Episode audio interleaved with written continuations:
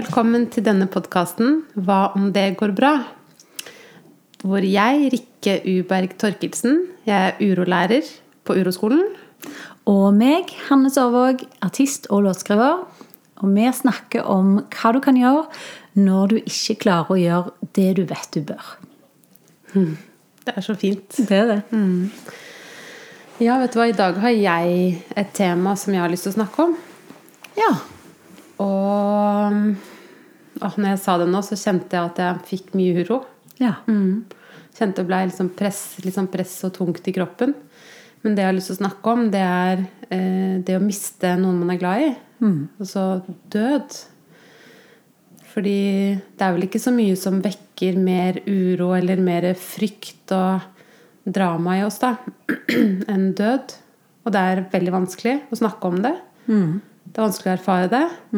Det er vanskelig å stå i det og Ja, og så er det jo et tema som jeg har inntrykk av at vi helst vil unngå, utenom når vi gjerne står midt oppi det.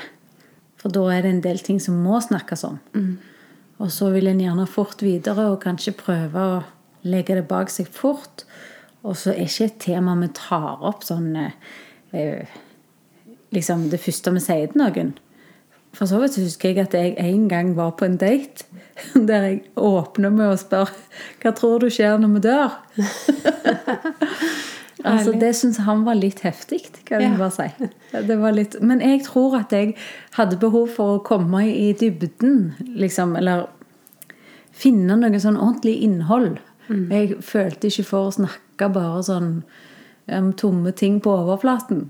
Så jeg tror det var derfor det kom. For det, det er et sånn stort, eh, sårt, viktig emne. Sånn at det blir noe ekte med en gang vi går inn på det. Ja, det er sant. Alle må vi erfare det, på en måte. Alle har et eller annet forhold til at sitt eget liv òg er over en dag. Noe vi òg gjerne prøver å unngå litt. Samtidig er det det der fine ordtaket på latin. Memento mori. Husk på døden, Ja, for da lever vi bedre. det er fint. Mm. Sånn at Unnskyld. Det å inkludere døden i livet vårt, da. Jeg tror veldig på det. Jeg tror at det gjør Eller jeg har inkludert døden i mitt liv, og det jeg opplever at det har gjort meg til et rikere menneske. da. Selv om det har vært veldig vanskelig. Eh, men det er, for det er jo som du sa, at vi forsøker, jeg tror vi forsøker å unngå det. ikke sant? Vi vil ikke at de vi er glad i, skal dø, og vi vil ikke dø selv. Syns du det er vanskelig å snakke om døden?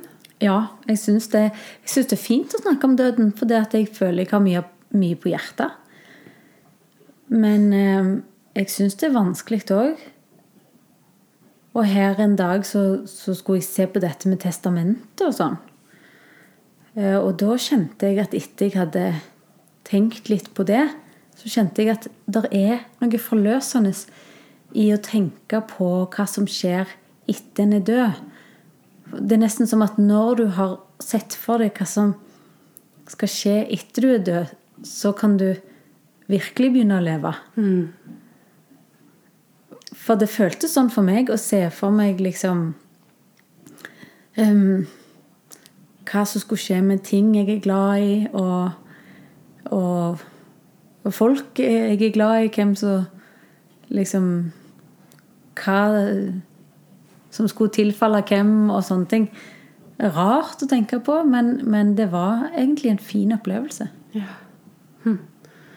Ja, det, jeg kjenner jo, når du sa det nå, så tenkte jeg på det samme. Og så kjente jeg jo at det gir meg jo litt uro. Ja. Tenke på at hva hvis jeg dør nå, liksom? Det, det er jeg jo imot. Det vil jeg ikke. Ja, nei, det vil ikke jeg heller. Og så tenk, Det var en gang onkelen min på, i et bryllup.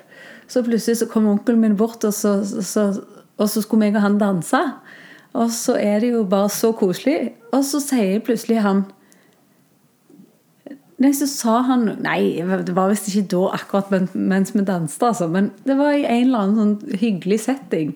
Der han plutselig tok opp at eh, om jeg hadde skrevet testamentet. For siden eh, jeg ikke hadde unger, så var det jo litt viktig at eh, hvis jeg hadde noen spesielle ønsker, og ikke at det gikk automatisk liksom Eh, Så sa han at ja, for hvis du dør nå, da, så får jo foreldrene dine liksom ting og pengene dine og sånn. Så hvis jeg liksom ikke ville det, så måtte jeg skrive et testament. Og så, Det var mange sånne ting. Ok, Først måtte jeg se for meg at hva hvis jeg dør i dag? Og så måtte jeg se for meg at eh, jeg skulle dø før foreldrene mine. Og så måtte jeg til og med se for meg at jeg da kanskje muligens ikke er interessert i at foreldrene mine får arve meg. Altså Det var ganske mange vanskelige ting å se på. Men han er sånn eh, ordenstype. Han ville ha ting på stell. Så da hadde han sikkert kommet på det. Ja. Og så da måtte vi snakke om det. Så bra.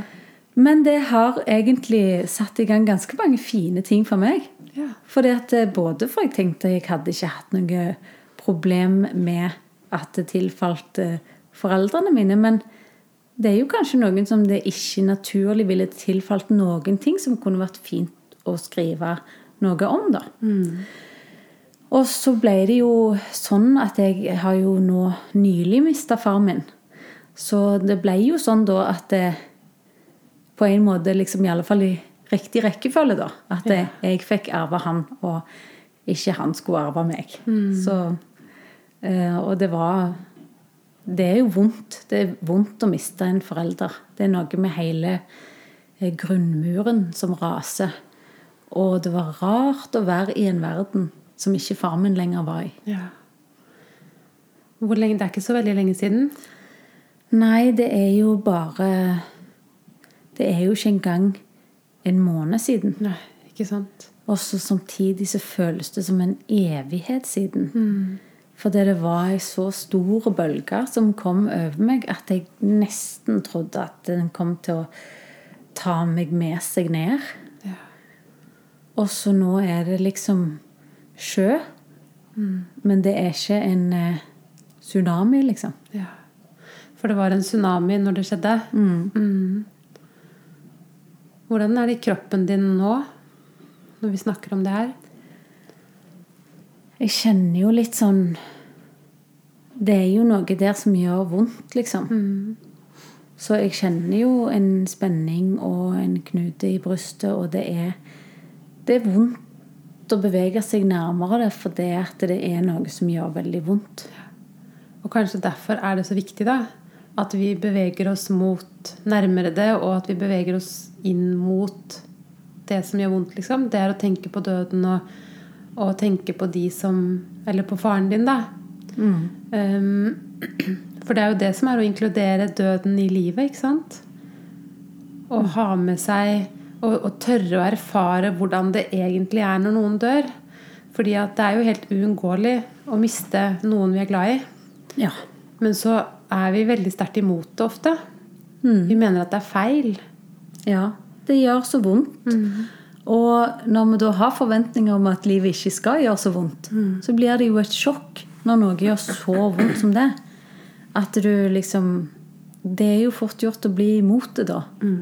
Nesten som om noen en har håpet på at noen bare skulle finne opp en kur mot døden. Sånn Ja. i løpet av livet. Ja. Sånn at en, en slapp å forholde seg til det, liksom. Ja, men det har de sikkert ordna inntil det er min tid, liksom. Da har de sikkert fiksa det med døden. Mm. Sånn at vi ikke trenger det. Da trenger vi ikke å dø. Ja, det, det kan vi jo håpe. Ja, det er lov å håpe. Mm, Kanskje, eller kanskje ikke vi vil det. Nei, det er jo sånn som det er med livet, at det er svart og hvitt og alle gråtoner imellom. Og jeg føler jo nå at jeg nesten kom til en sånn ny level.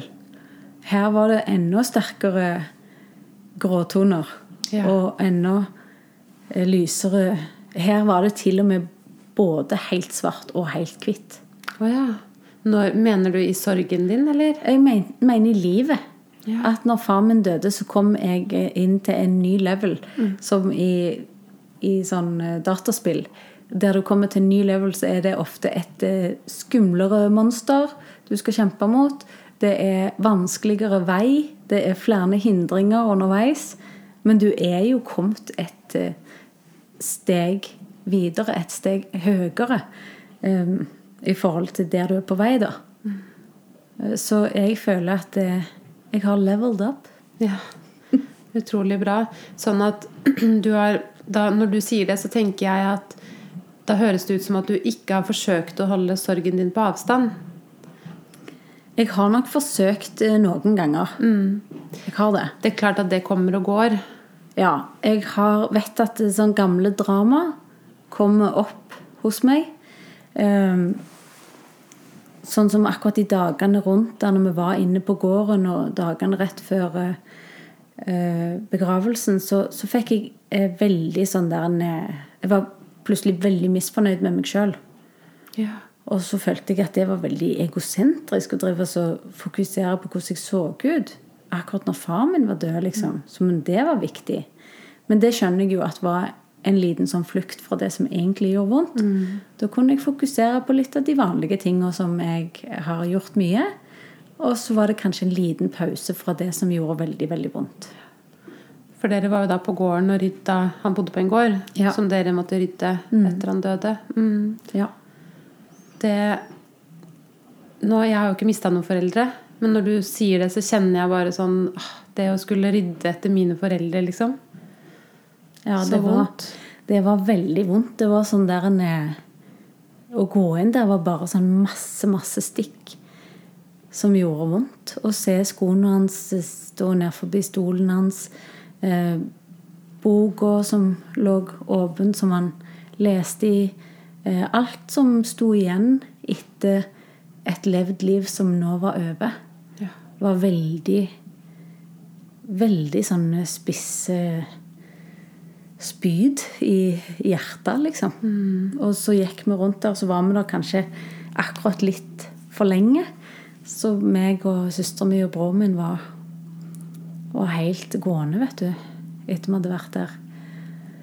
Så det var det, var det tyngste, syns jeg, å være der og gå blant hans ting hjemme hos han i hans liv, og så var ikke han der lenger. Ja. Da er det nesten umulig å ikke komme i kontakt med at dette er feil. Er det ikke det? Ja, det var jo virkelig sånn at jeg skulle ønske at jeg slapp der og da. Så var det en, en veldig sånn Det var akkurat som jeg gikk rundt og tenkte hele tida ah, det var vondt å se. Åh, og det gjorde vondt. Og det gjorde vondt. Og Men så følte jeg liksom ikke at jeg kunne kunne liksom bare gå heller, for vi skulle være litt ansvarlige og fornuftige og gjøre det som kreves av en i en sånn eh, situasjon. Så det var de tinga som, som dro i meg den dagen der, da. Så kanskje er det sånn at til og med når noen dør, så havner vi inn i våre egne mønstre. Som f.eks. er at det er veldig viktig at jeg gjør ting ordentlig og riktig. og Det er jo én ting. Og en annen ting er jo at det er en, det er en fin måte å holde smerten på avstand. Det? Den intense smerten som du kjenner da når du ser skoene hans stå der. Og så i stedet for å virkelig kjenne den smerten, for det er så, virker jo helt det virker jo helt umulig, gjør det ikke det? Så, så, så flykter man inn i det mønsteret som sier noe sånn som at nå må jeg få gjort ferdig alt det praktiske her.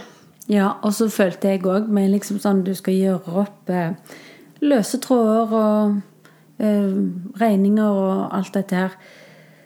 Jeg følte på et tidspunkt, eller jeg tror jeg sa til meg sjøl, at hvis jeg bare får gjort Får vekk alt dette, så vil det bli bedre. Men det var jo ikke egentlig det som gjorde vondt.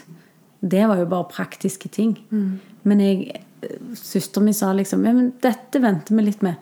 Jeg hadde nesten ikke tålmodighet til å vente med noen ting, for jeg ville bare få det vekk. Så kanskje noe av det vonde òg ville gå vekk. Ja. Mm. Nettopp. Så, så du lette etter måter å få vekk det vonde på. Mm.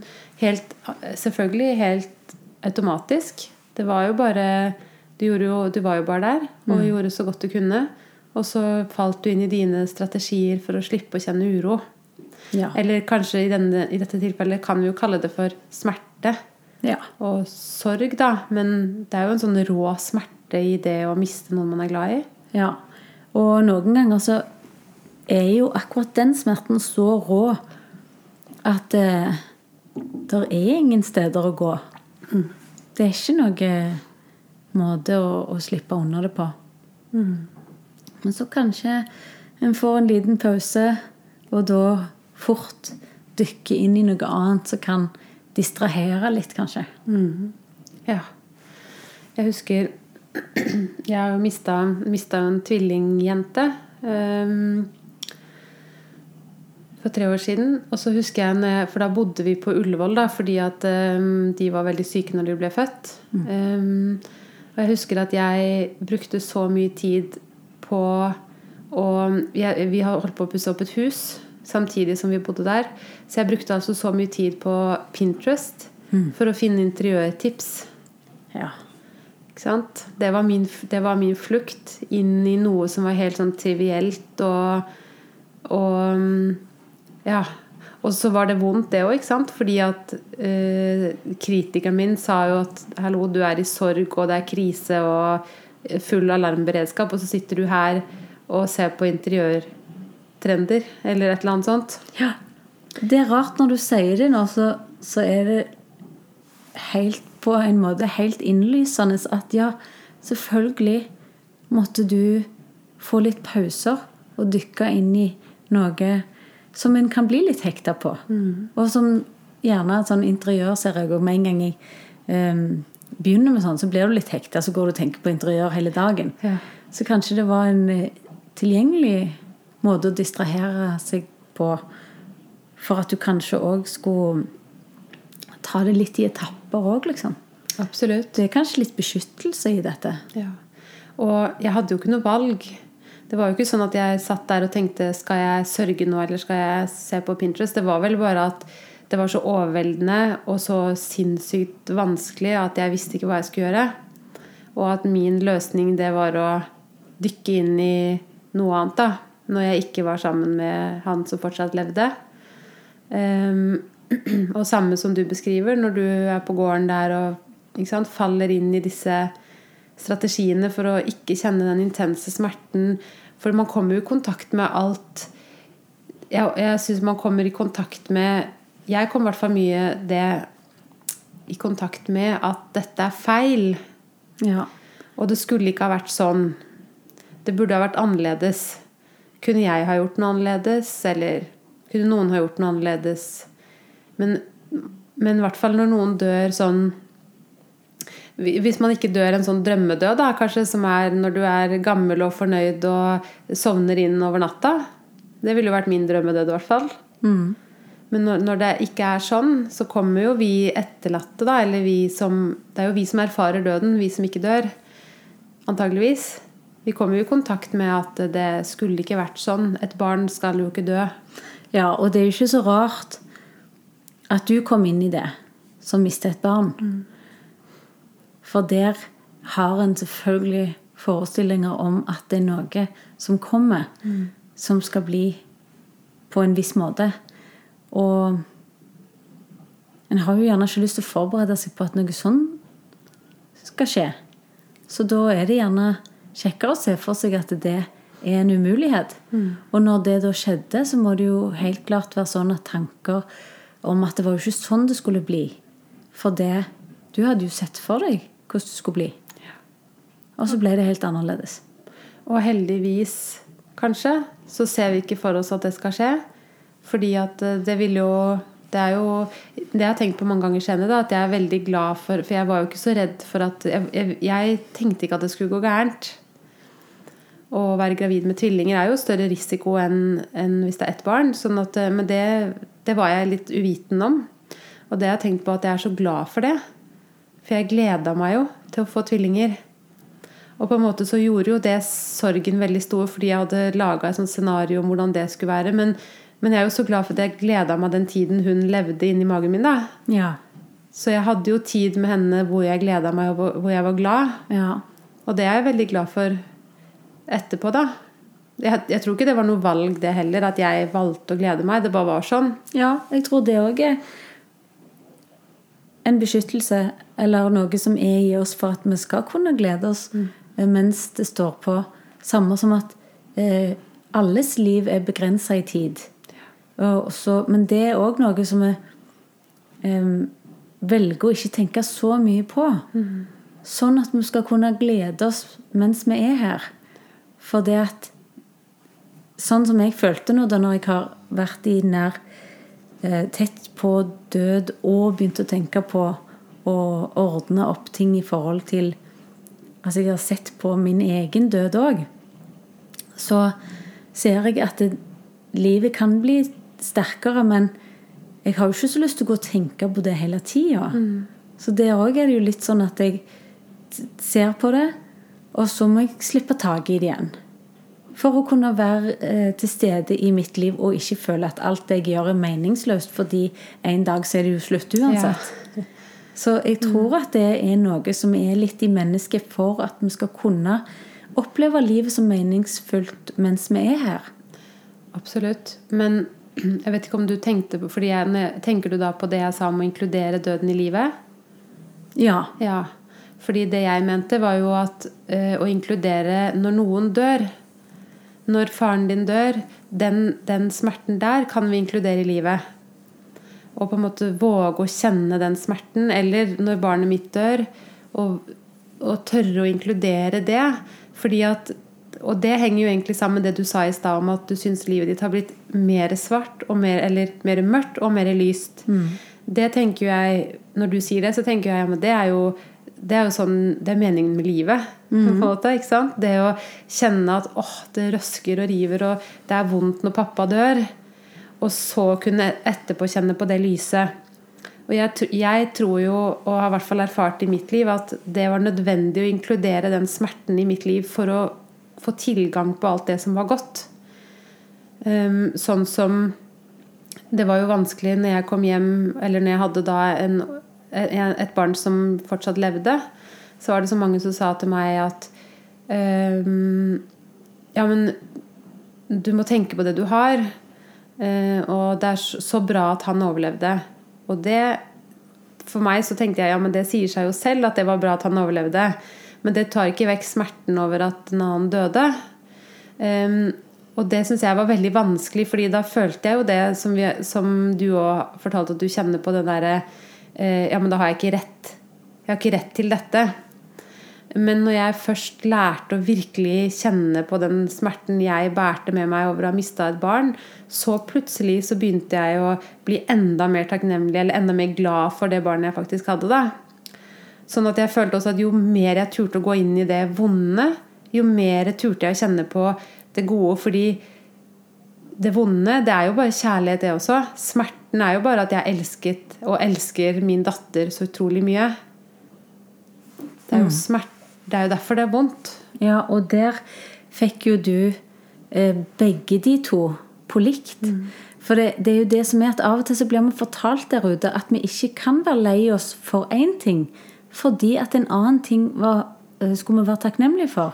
Men det går an å, å gjøre begge deler. Og det at en er lei seg for noe, betyr ikke at en syns at alt annet var verdiløst helt plutselig. Men der hadde du det faktisk så konkret at du mista ett barn og fikk beholde det andre. Sånn at det for folk da så ble det kanskje viktig for de å Kanskje de ikke orka å kjenne på den smerten når de så den vonde situasjonen fra utsida. Sånn at de ville forte seg og si noe til deg. Ja, men se på dette, da. For, som vi av og til gjør for å distrahere oss fra det vonde. Peke på noe som Ja, men dette er fint. Men jeg har opplevd det som veldig vanskelig når jeg tar opp noe som gjør vondt, og så blir det børsta vekk med at jeg egentlig skulle ha vært takknemlig for noe som er noe annet. Ja. For det, det må kunne gå an å være i dualiteten og både være lei seg for noe og takknemlig for noe annet. Men en skal liksom ikke Samme som at en skal ikke ta vekk fra noen alt det de har muligheten til å glede seg over. Så skal en heller ikke ta vekk muligheten til å sørge over noe heller. For det blir litt det samme som at eh, eh, du sier at du, du har en litt dårlig dag, liksom. Og så må høre om andre som har en helt forferdelig dag. Det, det er liksom Den metoden har i alle fall ikke fungert så godt for meg. da. Og så tror jeg at smerte og sorg og alt sånn, det må få ta den plassen det trenger. altså. Det er ikke noe som blir bedre av at vi trykker det ned eller vifter det vekk, distraherer oss med noe, eller minner oss på alle tingene en kan være takknemlig for. For det er helt sant om du sier. Hvis du tillater deg sjøl å føle på sorgen, så kommer de der tingene du er takknemlig for, helt automatisk. Når du har gitt sorgen og smerten den plassen det trenger, så kommer det der at Se hvor nydelig det var her nå. Å, så, så fint. Se på denne meldingen jeg fikk. Ja. De kommer av seg sjøl. Det er ikke noe vi trenger å, å tvinge inn akkurat i det vi sitter og bearbeider noe. Jeg syns det er viktig å, å prøve å trene hjernen til å se de positive tingene, så den ikke bare driver med feilsøking. Men det er, er en tid for alt. Og det er viktig å ta seg an eh, store omveltninger og sterke følelser. Det må få komme opp, liksom. For bare trykker du det ned, så har du det gående. Så må du gå og bære på noe på en annen måte. Det er, det er jo kanskje sånn at det er ubehagelig Eller for mange mennesker så er det ubehagelig å høre at noen ikke har det bra. Så at vi vil så gjerne hjelpe Jeg også vil jo gjerne hjelpe, og du også vil jo gjerne hjelpe. Men det å tåle andres smerte, da men, men da må man jo også forsøke å tåle sin egen. Ja, Og hvis du ikke vil se på din egen, så er det litt vanskelig å tåle andres òg. Kanskje det pirker borti noe som er vondt for en sjøl òg. Så jeg forstår jo at dette er litt sånn forsvarsmekanismer. Men jeg prøver å være bevisst på det i forhold til de rundt meg, at noen ganger å bare si åh, så utrolig vanskelig det hørtes ut, kan gjøre mye, det, altså. Sånn at eh, når det, det å inkludere døden i livet, da Ved å si det, så handler det jo egentlig om å si at kan du våge å føle det du føler når noen du er glad i, dør? Kan du våge å virkelig stoppe opp og kjenne etter i kroppen din? Hvor, hvordan det føles. Fordi at eh, det som skjer, i hvert fall så skjedde det med meg, da, at jeg forsøkte å holde den smerten på avstand. Og da ble jeg det ble deprimert, og jeg? Jeg, jeg hadde det jo ikke noe godt. Men livet var grått. Jeg kunne se ut vinduet, og det var sol, så kjente jeg ingenting inni meg. Eh, og det tror jeg det er resultatet av å forsøke å holde smerten på avstand. Mens når, som, når du sa det også i stad, det å tørre å la smerten komme og ta den plassen den trenger Det var først da det begynte å, jeg begynte å se Oi, det er jo sol ute. Så, så det er Men den er så skremmende, den smerten man kan kjenne når noen dør. Fordi vi kommer jo i kontakt med at dette er feil. Veldig ofte gjør vi det. Og en sånn uendelig tomhet. Ja. For det er noe som var viktig for en, som da er vekke. Den tomheten syns jeg var overveldende. Ja. Eh, så det, det er jo det òg at det er skremmende å stå der midt i den tomheten og våge å være der litt. Uten å, å distrahere seg. Men det er jo én ting med det med far min som jeg bare er evig takknemlig for. Og det er at meg og deg fikk jo snakket en del om det før han døde. For først når jeg kom til deg, så var det jo litt med Det var pandemi, og jeg følte hele livsverket mitt var gått til grunne. Og så kom det jo en stor, et stort oppgjør til, da. Mens meg og deg jobbet med jobb, og så det nye forholdet jeg var i. Og så, så mista jeg jo far min òg, da. Og i forkant av det så, så snakket jo vi en del om at jeg følte meg litt forplikta til å dra inn. For han eh, hadde jo mye Han hadde det vanskelig og vondt den siste tida. Og jeg hadde veldig vondt av han, og syntes at det var vanskelig å dra inn der. Hadde jo lyst til å være der for han og besøke han, men det var vondt å se at han hadde det vondt. Og så det der En gang så sa du til meg at jeg skulle prøve å vente med å dra inn til jeg kjente at jeg At jeg eh, hadde lyst. Og det førte med seg at jeg en gang til og med var inne der em, i, i nabohuset, huset hos, som er søsteren min sitt, og kjørte igjen uten å dra oppom på besøk til pappa. Og det var skikkelig vondt. Jeg hadde så dårlig samvittighet, og jeg følte meg som verdens verste når jeg kjørte av gårde. Men det var liksom det at jeg skulle prøve å vente til jeg kjente lyst, og ikke bare plikt og skyldfølelse. Men det var vanskelig når jeg kjørte hjemover da. For jeg visste jo at eh, han kunne ha blitt glad av at jeg kom på besøk. Kanskje han trengte hjelp til noe, eller Men så kom jo det etter hvert da, at jeg kjente at nei, nå har det sluppet taket litt. Den der eh, dårlige samvittigheten og den skyldfølelsen. Så nå føler jeg at jeg, jeg har lyst til å reise inn der og se hvordan det er med pappa. Og så fikk jeg en oppgave til av deg, og det var å prøve å komme inn dit og bare være sammen med han sånn som det var. For jeg pleide å komme inn der og kanskje rydde og fikse, og, og han hadde en hund, eh, og den eh, ville jeg gjerne ta opp med han om han egentlig klarte å beholde den hunden. For det, den var så svær og så vill, så den skulle gjerne leke. Og det endte med at han sprang ned far min, så far min brakk et ribbein og ble liggende i ukevis. Så det var jo ikke så heldig situasjon. Så da ville jeg gjerne liksom løse den situasjonen. Og skulle ta opp det med hunden og skulle fikse og hjelpe han med ting. Så sa du liksom at om jeg bare kunne dra inn dit, sette meg ned med han og være i det akkurat sånn som det var. Og så gjorde jeg det, da. Og der jeg hadde pleid å snakke masse, for det ble ofte litt stille, liksom, så bare satte jeg meg ned på sida av han, og han, han lå da med brukkeribbein, og hunden drev og hoppet rundt, eh, rundt han og oppå han og alt sånn. Så det så jo ikke bra ut. Men jeg satt der og tenkte skal jeg bare være i dette som det er. Det er absolutt ikke optimalt, men jeg bare sitter her, da. Og det var stille lenge, og så plutselig så kikket han opp på meg, og så sa han Så fin kjole. og det er jo et veldig, veldig fint minne jeg fikk ta med meg. Ja. Som jeg liksom Ja, ellers hadde jeg kanskje bare gått inn der på skyldfølelse og vaskt og prøvd å hjelpe. Prøv, prøvd å holde det på avstand hvor vondt det var å se at far min hadde det vondt. Og så Istedenfor så fikk jeg muligheten til å sitte litt der med han. Og så fikk vi et sånn et øyeblikk oss imellom før han døde. Så utrolig fint. Ja, det, jeg er så takknemlig for det. Utrolig Jeg er takknemlig for at du gjorde det. Du kunne jo ha latt være, selv om jeg sa du kunne gjøre det. Ja.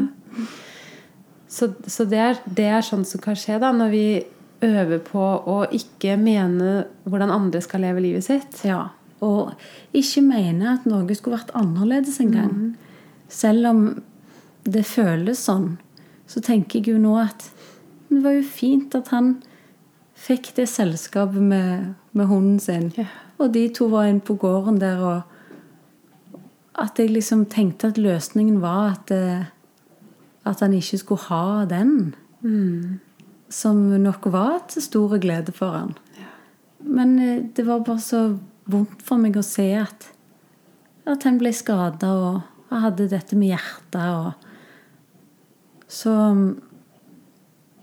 det var iallfall en utrolig fin øvelse i å være i ting akkurat sånn som de er. Ja, så fint. Og når du da var i det sånn som det var, så ble det plass til å f.eks. si 'så fin kjole du har'.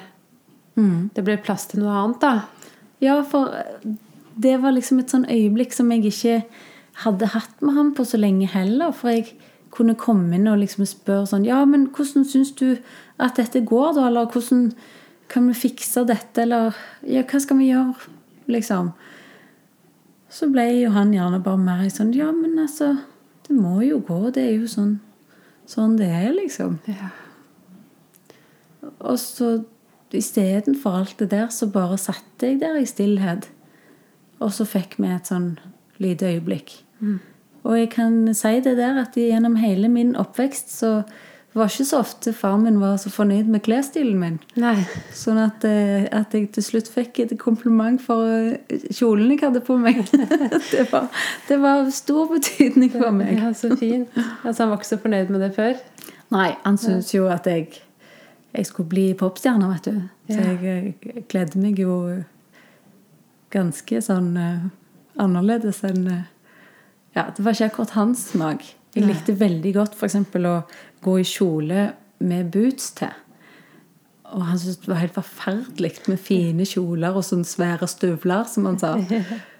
Men uh, og så når vi skulle på ferie, vet du, så kunne jeg dukke opp i en sånn en kort topp med noen sånn metallic sølvgreier på brystet og sebramønstra bukser, liksom. Og han rista bare på hodet. Ja. sånn at når han kommenterte kjolen din, så var det stor betydning i det for Ja, deg? Mm. Det var det. Så fint. Så det er skikkelig bra, da. Det å øve oss på Virkelig å øve på å la andre leve sånn som de lever. Ja. Og, og det er jo så fint å kunne være sammen om det. Det er vanskelig å sitte og se på noen som lever på en måte du syns skulle vært annerledes. Og det kan jo være? Det kan jo være små ting i livet også. At jeg syns noen øh, Ja, godt eksempel. Mange mennesker syns jo andre folk kjører feil. ja. Så det kunne jo være fint å øve på da, når man sitter i bilen og ser der er det en idiot som kjører sånn og sånn. Så kan jeg la de være som de er, så kan jeg kjøre sånn som jeg vil at jeg skal kjøre. Det er vanskelig, ja. Det er veldig vanskelig. men, men døden fordi at, Og det handler jo kanskje ofte om at døden er jo ikke inkludert i livet vårt så veldig tidlig, fordi at det er ikke så ofte at noen dør tidlig. Når man er barn, så er det jo gjerne at du har besteforeldre som lever, og sånn at um, på et eller annet tidspunkt så får vi et møte med døden som blir veldig Det blir veldig sterkt. Det blir sånn Hæ? Og de, for de fleste er det bestemor eller bestefar. ikke sant? Her kunne de dø? Er de ikke her mer? Jeg skjønner ingenting. Og så, og så sier jo noen at ja, det var uff, det var for tidlig, eller det var feil, eller Og så får vi en sånn opplevelse av at døden er feil. Men vi kan jo ikke si at det er feil, fordi at det dør jo folk hele tiden. Det er jo det eneste vi vet med sikkerhet og livets gang, da. Og det er det jeg føler med i forhold til at det føles nå som det er eh, Det føles som jeg har levd kort tid i denne verden der ikke far min er der lenger. Men det føles samtidig som det er lenge siden det skjedde. Og det tror jeg er noe med at noe i oss er òg eh, kapable til å, å takle å miste noen vi er veldig, veldig glad i. Absolutt. Og det kan til og med gjøre da, at, at vi deltar i livet, sånn som du sa i stad, at det blir mørkere og lysere. Og det, i mine ører så høres i hvert fall det fint ut. Selv om det gjør vondt, så er det jo godt også. Ja. Det alt ble på en måte sterkere. Altså en, et nytt nivå av smerte og et nytt nivå av eh, å virkelig kjenne seg levende òg. Og det er jo ikke sånn at det er et mål om å ikke kjenne den smerten. Eller det, det er jo ikke noe mål at jeg skal si ja, men Hanne, går det bra med deg nå? Så sier du ja, nå går det bra, nå tenker jeg ikke så mye på pappa lenger. Eller det er ikke så vondt å tenke på han. Det er jo ikke noe mål, det. Jeg tenker at Kanskje det kan, vi kan si at det er motsatt. Det Målet er at du skal alltid kjenne når du tenker på pappaen din, at du kjenner det. At det gjør vondt. Men så erfarer vi jo med tiden at jeg tåler det. Sånn kan jeg ha det. Det kan gjøre så sinnssykt vondt når jeg tenker på det barnet mitt som døde. Men så, noen ganger så tar det ett minutt, så er det over. Ja. Er det hvis du liksom står i det, da, når det kommer opp? Ja, At du er med det? no, ja noen ganger så kommer det kasta over meg. Og så skjer det ofte sånn at jeg aller først så kommer jeg i kontakt Eller først så kommer det jo en uro. og nei, nå kommer det. Og da kommer jeg fort kanskje i kontakt med liksom Ja, men hun burde jo ha vært her. Hun burde ikke være død, eller Men så, men så har jo jeg nå øvd så mye på det, da, og jeg har, har jo disse denne metoden jeg kan bruke hvor jeg husker at ja, okay, jeg må kjenne etter i kroppen min. Og da, når jeg klarer å gjøre det, kjenne etter, så kjennes det ut som det er ti kniver i brystet eller i magen. ikke sant? Og det gjør bare så sinnssykt vondt. Og så klarer jeg å puste ned i det. Og så gjør det bare skikkelig vondt, og så kjenner jeg at det går fint. Mm. Det er greit. Det er, liksom, det er som en Du sa ikke sant, i stad med bølge eller tsunami. Det er som en tsunami. Det bare går veldig fort over. Mm. Og målet mitt er at det aldri skal være annerledes enn det. Jeg, jeg vil jo at jeg skal kjenne det. Det er jo ikke noe mål Det er jo kjærlighet i det òg. Det er på en måte hennes tid med meg. ikke sant? Mm. Og så er det masse annet som er det òg, men det er jo ikke noe mål at det ikke skal være vondt. Nei, det er egentlig vondt å elske. Ja, Enten de er her eller ikke. Det er akkurat det. Så, men jeg føler òg at eh, disse naturlige responsene i oss, da, akkurat når det gjelder eh, død For det at det er livets gang, og for det, det er noe vi alle må gjennom, så er det akkurat som det kan eh, fordeles ut litt òg. Eh, det var liksom noen ting som gjorde så vondt akkurat når eh, det skjedde, at jeg kjente at det, det var akkurat som sinnet mitt bare ble helt sånn lukt akkurat når jeg tenkte på det. Og så kom det opp igjen når det hadde gått en stund, og da måtte jeg ta det da. For det, det var f.eks. sånn at eh, siste gang jeg så far min, så var han på konserten min, eh, der jeg hylla Dolly Parton.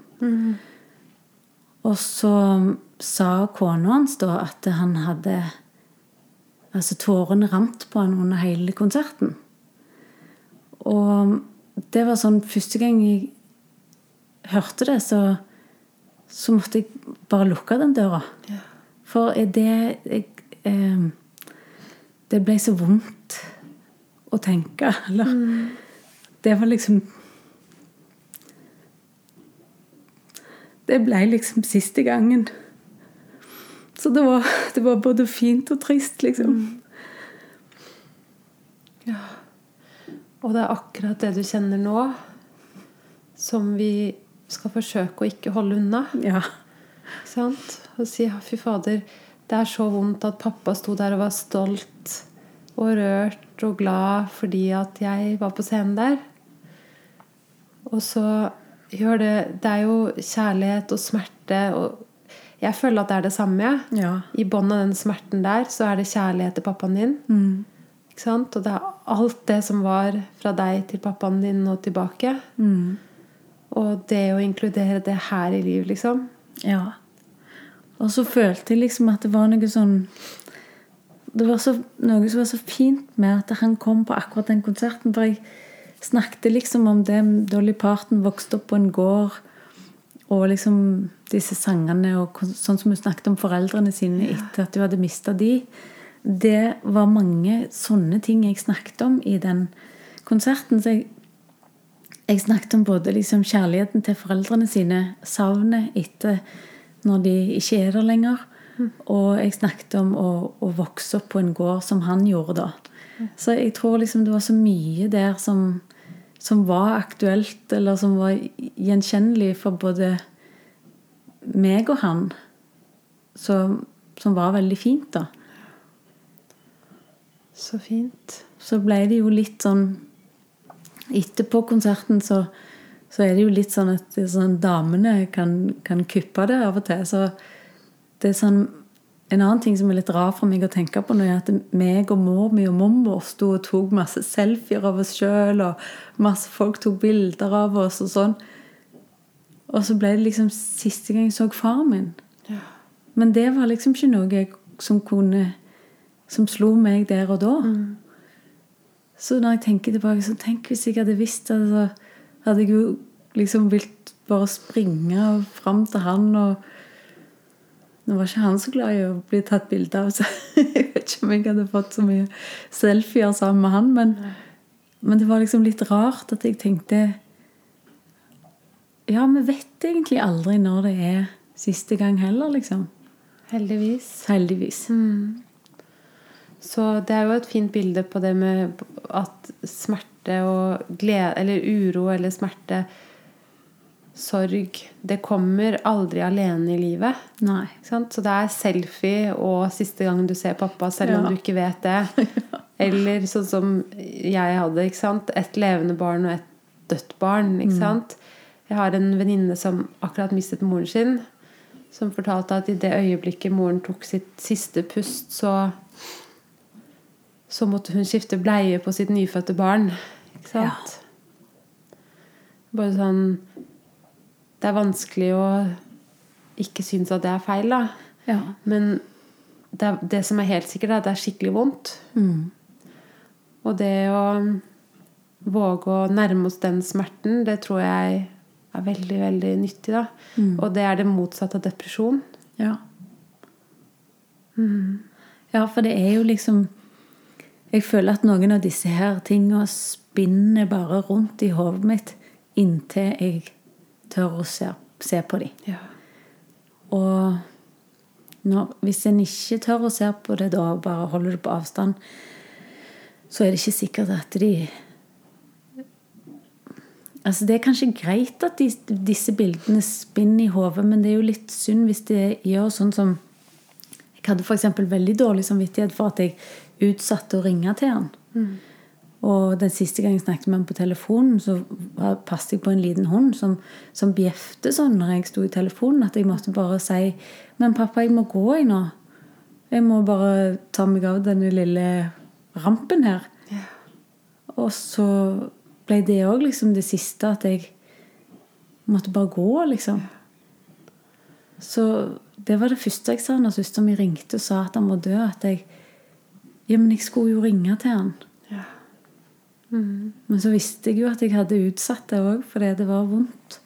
Vondt å snakke med han. Han som jeg opplevde som en sånn uovervinnelig type når jeg vokste opp. Plutselig så var han blitt syk og svak, og det var vondt. Så det er nyttig å stoppe opp der òg og si når jeg, når, jeg, når jeg forholder meg til virkeligheten som den er, og den er at jeg skulle ringe han, men det fikk jeg aldri gjort. Kan jeg kjenne det i kroppen min? Kan jeg flytte oppmerksomheten ned til kroppen, og eh, sånn at vi flytter oppmerksomheten vekk fra det der dramaet om at det burde vært annerledes? Jeg skulle ha gjort det sånn og sånn. Og, Mm. Og virkelig bare si at ja, men det ble som det ble. Og hvordan er det å være meg når virkeligheten er sånn som det? Mm. Og det gjør jo vondt, men der, der er det jo ingen er, Det er bare vondt, det. Og det vet du jo at du kan tåle å ha det sånn vondt når du tenker på han. For det kommer og går. Som, som Det begynner som en tsunami, og så blir det høy sjø, og så plutselig er det bølger. ikke sant? og så blir det kanskje aldri stille sjø igjen. Nei. Men um, det er kanskje noe fint med det òg. Ja. Det er kanskje det som er å ha leveled up. Mm. Nettopp. Det er fin eh, Det er fin eh, avslutning. Vi kan avrunde med det. Ja. Takk for at du ville snakke om dette. Ja, i like måte. Takk for i dag. Takk for i dag. Ha det.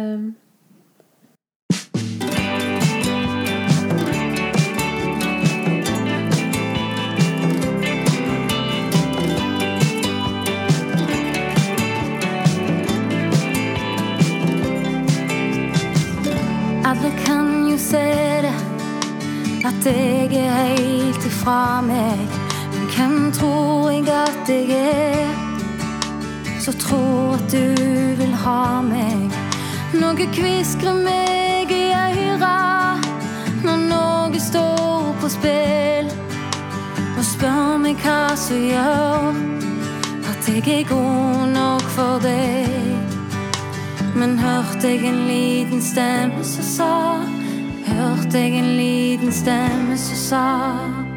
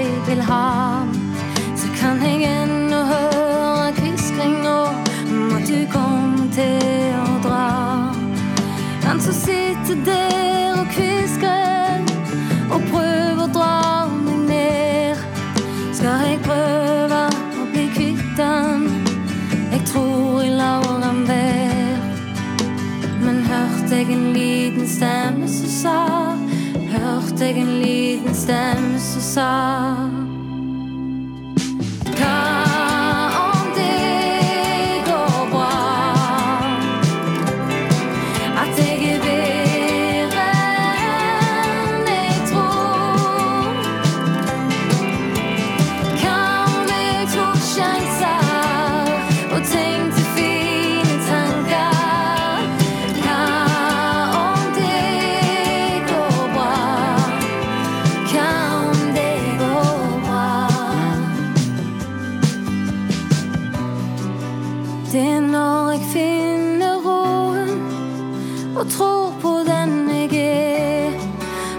Tvilen og tar troen og spør om jeg fortjener det. Tvilen pirker i det skjøre, og der det gjør mest vondt. Alt som er tungt å bygge opp, men så lett å rive sånn.